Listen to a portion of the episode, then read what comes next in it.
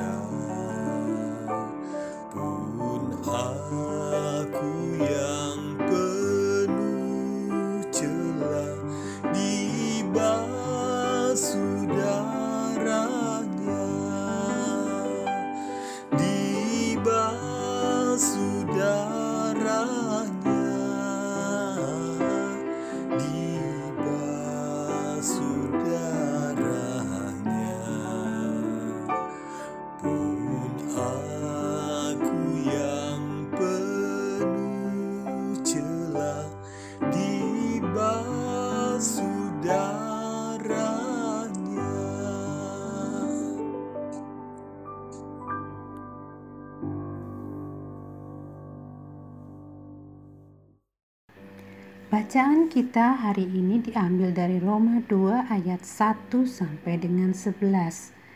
Hukuman Allah atas semua orang. Karena itu hai manusia siapa pun juga engkau yang menghakimi orang lain, engkau sendiri tidak bebas dari salah. Sebab dalam menghakimi orang lain engkau menghakimi dirimu sendiri karena engkau yang menghakimi orang lain melakukan hal-hal yang sama. Tetapi kita tahu bahwa hukuman Allah berlangsung secara jujur atas mereka yang berbuat demikian. Dan engkau, hai manusia, engkau yang menghakimi mereka yang berbuat demikian, sedangkan engkau sendiri melakukannya juga. Adakah engkau sangka bahwa engkau akan luput dari hukuman Allah? Maukah engkau menganggap sepi kekayaan kemurahannya, kesabarannya, dan kelapangan hatinya? Tidakkah engkau tahu bahwa maksud kemurahan Allah ialah menuntun engkau kepada pertobatan? Tetapi oleh kekerasan hatimu yang tidak mau bertobat, engkau menimbun murka atas dirimu sendiri pada hari waktu mana murka dan hukuman Allah yang adil akan dinyatakan.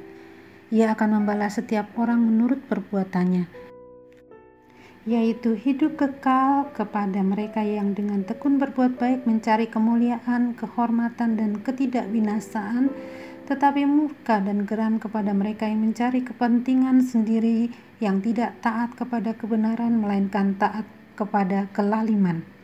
Penderitaan dan kesesakan akan menimpa setiap orang yang hidup yang berbuat jahat, pertama-tama orang Yahudi dan juga orang Yunani. Tetapi kemuliaan, kehormatan, dan damai sejahtera akan diperoleh semua orang yang berbuat baik, pertama-tama orang Yahudi dan juga orang Yunani, sebab Allah tidak memandang bulu. Saudara yang terkasih, pasal kedua kitab Roma ini dimulai dengan kata "karena itu", sebagai kesimpulan uraian di pasal sebelumnya. Dan di bagian penutup pasal ke-1, Paulus memberi penjelasan dan menunjukkan alasan yang sangat kuat tentang keberdosaan manusia. Latar belakang kitab Roma ini menjawab keluhan orang percaya bangsa Yahudi yang masih tertinggal di kota Roma, sekaligus ditujukan kepada bangsa Yunani yang sudah mengikut Yesus. Pada zaman itu ada sebuah pengusiran besar-besaran bangsa Yahudi dari kota Roma yang dikenal dengan Claudius Edict. Bangsa Yahudi yang percaya merasa tidak adil diperlakukan seperti itu dan mempertanyakan mengapa Tuhan mengizinkan penderitaan terjadi pada orang yang sudah mengikut Yesus. Dalam hal ini, orang Yahudi menganggap dirinya lebih baik karena mereka menerima Taurat, juga menjadi bangsa eksklusif terpilih, sehingga seharusnya mendapat prioritas, apalagi mereka mengikut Yesus. Tetapi mereka mempertanyakan mengapa mereka lebih menderita dari orang-orang Kristen Yunani yang diizinkan tinggal di kota Roma. Paulus menjelaskan bahwa mereka sama sekali tidak berhak mempertanyakan keadilan Allah, seolah-olah mereka orang yang benar atau lebih adil dan lebih tinggi daripada Allah. Mereka tidak pantas mempertanyakan keadilan Allah.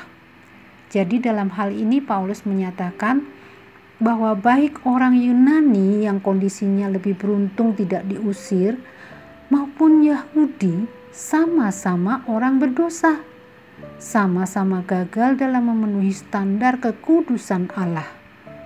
Paulus meletakkan mereka pada posisi yang sama, yaitu orang yang patut dihukum. Namun kebenaran Allah dinyatakan dalam Injil seperti dalam pasal 1 ayat 17, orang benar akan hidup oleh iman. Dalam terjemahan Septuaginta, orang benar akan hidup oleh kesetiaanku. Dalam hal ini, ku adalah Tuhan. Sungguh besar kesetiaan Allah dijabarkan dalam Roma 2 ayat 4. Maukah engkau menganggap sepi kekayaan kemurahannya, kesabarannya, dan kelapangan hatinya. Tidakkah engkau tahu bahwa maksud kemurahan Allah ialah menuntun engkau pada pertobatan? Saudara yang terkasih, tabiat lama dosa juga membuat orang Kristen zaman modern ini menuntut hidup nyaman, segala sesuatu berjalan lancar, terbebas dari sakit penyakit, sehingga apabila ada penderitaan dengan seenaknya mempertanyakan keadilan Allah atau setidaknya merasa berhak mendapat jawaban mengapa apabila ada hal-hal yang tidak menyenangkan atau di luar harapan mereka. Apalagi kalau mulai membandingkan dengan orang lain yang lebih beruntung, merasa diri lebih berhak karena menjadi anak Tuhan, memandang rendah iman orang lain, atau bahkan orang yang belum percaya. Merasa patut menentukan atau menghakimi apakah Tuhan melakukan hal yang adil atau tidak kepada kita atau kepada orang lain, sehingga lupa bahwa seharusnya kita memiliki posisi sama, yaitu orang yang tidak layak berdosa dan patut dihukum. Oleh kasih karunia Allah kita memperoleh pembenaran melalui iman. Jadi sudah sepatutnya sukacita keselamatan itu melampaui segala keadaan penderitaan yang kita alami.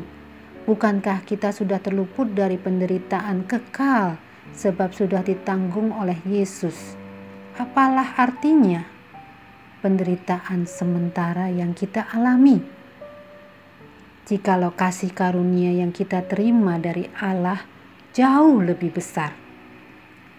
Mari kita berdoa. Allah yang Maha Kudus, adil dan benar, betapa kasih-Mu kepada kami yang tidak layak ini memberikan anugerah pengampunan dalam Yesus Kristus. Terima kasih Tuhan, dalam nama Yesus Kristus kami berdoa. Amin. Tiada seorang pun yang benar. Semua telah berdosa, tak layak menghadap Allah. Tetapi Yesus merentangkan tangannya di atas salib untuk membawa kita menghadap Allah.